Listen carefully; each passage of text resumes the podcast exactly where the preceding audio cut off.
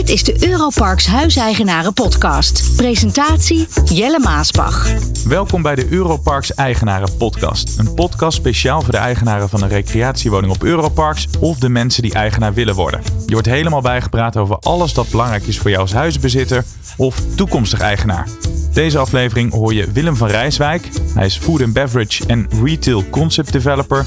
En Albert Hosky, food and beverage operations manager pachters. En je hoort het heel veel Engelse termen, maar je hoort ook de woorden voedsel en drank. En daar gaan we het in deze aflevering over hebben. Over de horeca op de parken. Je hoort wat er allemaal komt kijken bij de organisatie en je krijgt, jawel, flauw grapje, een kijkje in de keuken. Willem, eh, om met jou te beginnen. Jij bent eindverantwoordelijk voor de invulling van de concepten. Maar eerst even een stap terug. Jullie hadden een onafhankelijke cateraar bij eh, Europarks. Die ging eind vorig jaar failliet. En toen dachten jullie, we moeten wat doen. Ja, ik uh, viel met mijn neus in de boter. Ik ben begin oktober begonnen bij Europarks. En ik was twee weken in dienst en toen is onze grootste pachter failliet gegaan. Oh. En toen hebben we eigenlijk in een split second besloten van oké, wij gaan die horeca zelf doen betekent dat we de hele operatie naar ons toe hebben getrokken.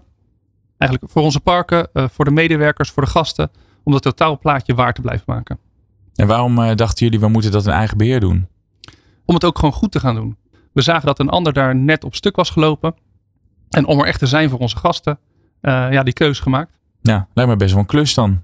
Dat is een behoorlijke klus. Je moet je voorstellen, we zijn nu bezig om voor ongeveer een twintigtal parken, totaal 50 outlets, uh, het hele bedrijf op te richten. Ja, dat is een proces waar een ander jaren vooruit trekt en daarin groeit. En wij doen het eigenlijk in vijf maanden tijd. Hè, vanaf uh, oktober, november richting uh, het zomerseizoen is het echt vol gas.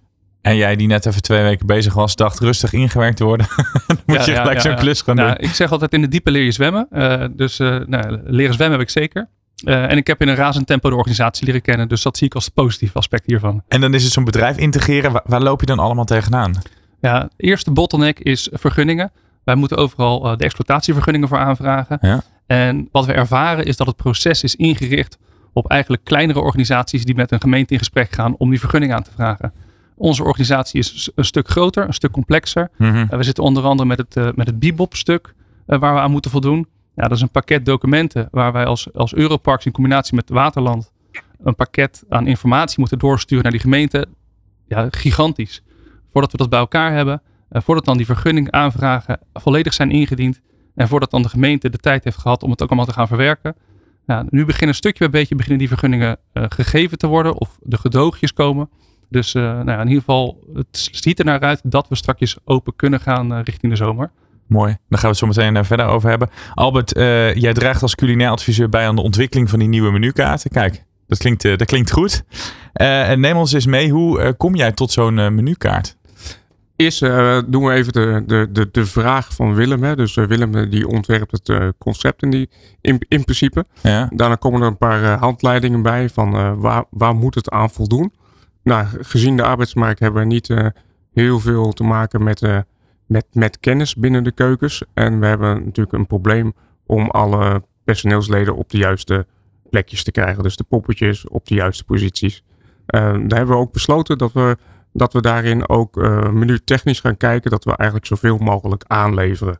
Dus wij gebruiken de groothandel eigenlijk als een soort dark kitchen. En die levert het eigenlijk voor 90% aan. Zodat we het eigenlijk alleen maar te hoeven regenereren. Ja. Dus het is, uh, ja, je moet eigenlijk het uh, mooi pleten, dus het uh, bord mooi maken. En je moet hem even afproeven, eventueel een beetje de smaak een beetje uh, nazouten. En dan moet het dat eigenlijk wel zijn. Lijkt me wel een leuke klus trouwens, om dat allemaal voor te proeven. Maar goed, dat gaat even door mijn eigen hoofd. Nou, ja. ja. ik heb er ook best wel moeite mee. Hey, en, om een beetje in de vorm te blijven, laten we dat zeggen. Ja. Een, een, manier waarop Albert het ook wel mij heeft uitgelegd. Hij zegt eigenlijk kopen wij de mise en place in. He, dus het stukje uh, kennis, dat besteden we uit. En uh, daardoor kunnen wij met minder kennis in de keuken, want dat is gewoon de arbeidsmarkt zoals die op dit moment uitziet, ja. uh, kunnen we het toch waar blijven maken. Ja. En, en, en, en wat komt er dan vervolgens op te staan? Want je zegt de, de groothandel is dan een soort van leidend, weet je wel. Wat zij leveren, dat kunnen we erop zetten. Hoe, hoe komt die kaart eruit te zien? Want je moet natuurlijk ook eerst kijken, wat wil de bezoeker eten? de doelgroep is relatief bekend op de parken. Nou ja. goed, we hebben nog een, een, een twist tussen de oude uh, droomparken en uh, de Europarks. Er zit wel een verschil in, in, qua doelgroep. Maar we hebben eigenlijk een soort kaartenbak uh, gemaakt waarin denk ik nu twintig gerechten staan. En daar kunnen ze eigenlijk uit kiezen. En daar zit dan ook een hele beschrijving bij van wat ze dan moeten doen. Ja. Dus, en we hebben eigenlijk alles waarmee ze de mist in kunnen gaan geëlimineerd. Dus we hebben eigenlijk maar twee opties waarmee ze kunnen werken. Wat, uh, waar zouden ze de, de, mist mee ingaan? Wat voor, wat voor soort gerechten? Nou, als er meerdere bereidingen zijn en meerdere pannen en meerdere ja. uh, bereidingstoepassingen, dan wordt het al lastig als je geen kennis hebt. Ja. Als je dan en je frituur moet bedienen en het gasfornuis en een oven en misschien nog uh, chef Mike erbij, dan, ja, dan wordt het wel schakelen in je hoofd. Ja, en ik kan me voorstellen en natuurlijk die kennis is er niet. Ja, en dat je ook trends in de gaten moet houden. Er was altijd een uh, bekende hotelketen in ons land met een vogel erop. Die hadden altijd schnitzel met appelmoes. Die tijd is wel een beetje voorbij, denk ik hè? Nou, we hebben geen appelmoes op de kaart. Nee, maar wel eens niet zo.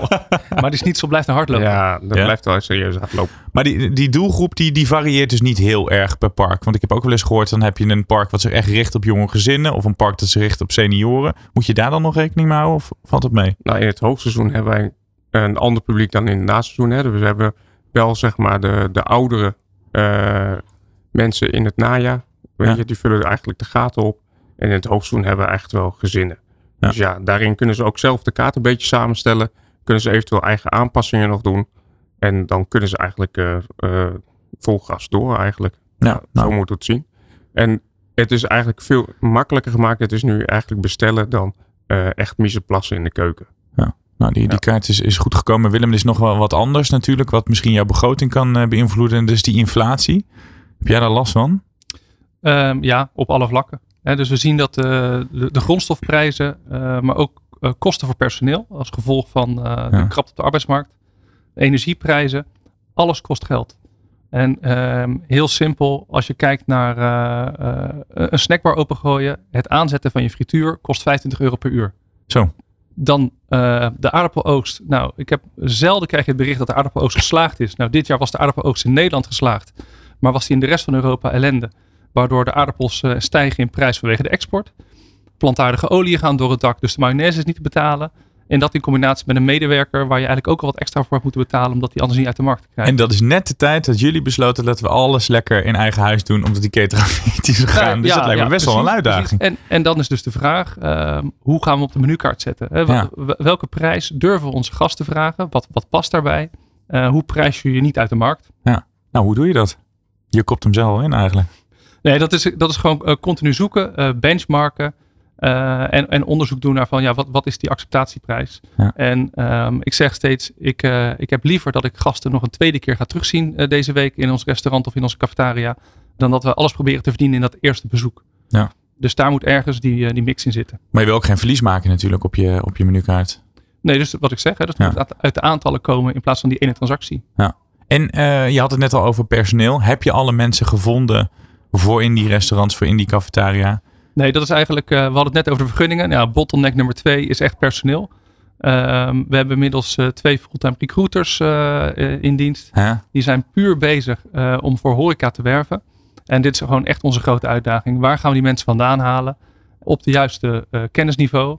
Albert lichtte net al toe dat we ook in de menukaart kijken van hoe zorgen we ervoor dat we met minder kennis en kunde toch het iedere keer waar kunnen maken op het bord. Dit is echt onze, onze ja, volgende bottleneck. Dus mocht je zitten te luisteren en je zoekt nog een leuke functie, Absoluut. kan je melden. Absoluut. Op de mooiste plekken van het land hebben wij de leukste banen. Heel goed. Uh, Albert, heb jij nog specifieke mensen ook nodig om jouw plannen uit te voeren? Of zeg je, ja, die menukaarten die zijn zo ingesteld, die kunnen de meeste mensen wel voor mij gaan uitvoeren? We hebben het eigenlijk zo uh, met z'n allen bedacht dat de meeste mensen die een gevoel hebben voor, voor de horeca ja. en een voorliefde voor het uh, koken, het kunnen waarmaken. Ja. Dus we kunnen die mensen zover trainen dat ze dat uh, kunnen serveren. Nou, uiteraard zal niet uh, de snelheid en de kunnen erin zitten van een chef. Maar we kunnen wel zoveel mogelijk dingen elimineren. Ja. ja. En je had het net al over het hoogseizoen en het, en het laagseizoen. Uh, kan je ons nog even meenemen wat dan bijvoorbeeld de verschillen in, in de menukaart zijn? Nou, je zou eigenlijk voor het naseizoen, zeg maar de nawinters, voor de wat oudere mensen, zou je de, de menukaart een beetje kunnen opschalen even naar wat andere gerechten, misschien wat kleinere gerechten in de toekomst. En in de zomer zullen we denk ik misschien wel wat, uh, wat uh, de, de kaart wat kleiner maken en meer gericht op kinderen ook. Ja. ja dus daarmee kunnen we echt spelen. En we kunnen dat ook heel snel uh, schakelen eigenlijk. Willem, je had het over die eh, vergunningen. Bureaucratie en alle, alle, alle, alle romslomp, dat is, dat is nooit leuk. Is dat nu helemaal klaar? Kun je niet helemaal de komende tijd... Nee, eh, helemaal klaar is het nog niet. oh nee. Je hebt wel een pittige baan als ik het zo hoor. Ehm, eh, ja, maar gelukkig uh, ook ondersteund door heel veel kundige mensen om me heen. dus Ja. dat, wat dat betreft bij Europarks ook wel goed op mijn plek met, met alle supportafdelingen aan alle kanten.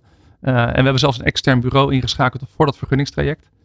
Wij zitten nu op, ik denk 90% van de aanvragen die in ieder geval volledig de deur uit zijn. voor een paar liggen nog een paar vragen open. En nou ja, gemeentes hebben dan zes tot acht weken om hun reactie erop te geven. In het ergste geval krijg je dan dus in week 7 te horen dat het niet compleet is. Mhm. Dat kan gebeuren. En dan ga je weer opnieuw uh, onder op de stapel als je document hebt ingeleverd voor 6 tot 8 weken. Dus dit is echt uh, ja, een hele spannende bottleneck. Ja, want als dat niet rond is, dan kunnen dus ook de deuren niet open. Als dat niet rond is, kunnen de deuren niet open. Nee, dan zijn we echt gelimiteerd tot uh, een heel beperkt aanbod. Je mag dan counterverkoop doen.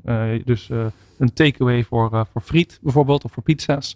Uh, maar je mag mensen geen tafel en een stoel aanbieden. En je mag ze geen open alcoholverpakkingen aanbieden. En dat is uiteindelijk wat je natuurlijk wil helemaal. Ja, dat is wat we willen doen. Als dat, bezoeker. Is, dat, dat, maakt de horeca. Hè? Dat uh, ja. ja. echte gastvrijheid aanbieden. Ja. Want Demos is mee in, in die ideale wereld. Als alles is goedgekeurd, als alles loopt. Wat gaan we dan aantreffen? Wat, wat voor mooie restaurants en wat voor mooie cafetaria's? En, uh... ja, wat ik vooral wil creëren is een plek waar, waar iedereen zich thuis voelt. Hè? Mhm. Waar, die, waar die vindt, waar die, waar die trek in heeft. Ik zie ook wel als een, als een belangrijke concurrent voor ons uh, die prachtig mooie keukens die er in onze woningen zitten. Dus mensen komen bij ons op het park en dan hebben ze in hun woning soms een keuken die er gewoon mooier uitziet dan wat ze thuis hebben staan. Uh, dus ik concurreer gewoon met het kratje boodschappen van de supermarkt. Dus als ik het zo weet te presenteren dat mensen zijn, zeggen van nou oké, okay, wij willen hier wel een keertje komen eten. Vanwege de gezelligheid, vanwege het gemak, vanwege een aantrekkelijke kaart. Vanwege het stukje gastvrijheid dat onze medewerkers bieden. Dan hebben we gewonnen. Ja, en als ik zo de menukaart hoor, dan ga je toch niet meer in je eigen keuken kokerellen. Dan ga je toch wel lekker naar zo'n restaurant. Uh, dat dat moet van Albert zijn. Dat moet insteek zijn. dat is ja. veel beter, toch? Uh, dankjewel. Fijn dat jullie ons wilden bijpraten over dit onderwerp. In deze aflevering hoorde je Willem van Rijswijk, Food and Beverage en Retail Concept Developer. En Albert Hotsky, Food and Beverage Operations Manager Pachters. Bedankt voor het luisteren en heel graag tot een volgende. Dit was de Europarks Huiseigenaren podcast. Over twee weken is er weer een nieuwe aflevering. Wilt u meer informatie? Mail dan naar communications@europarksgroup.com.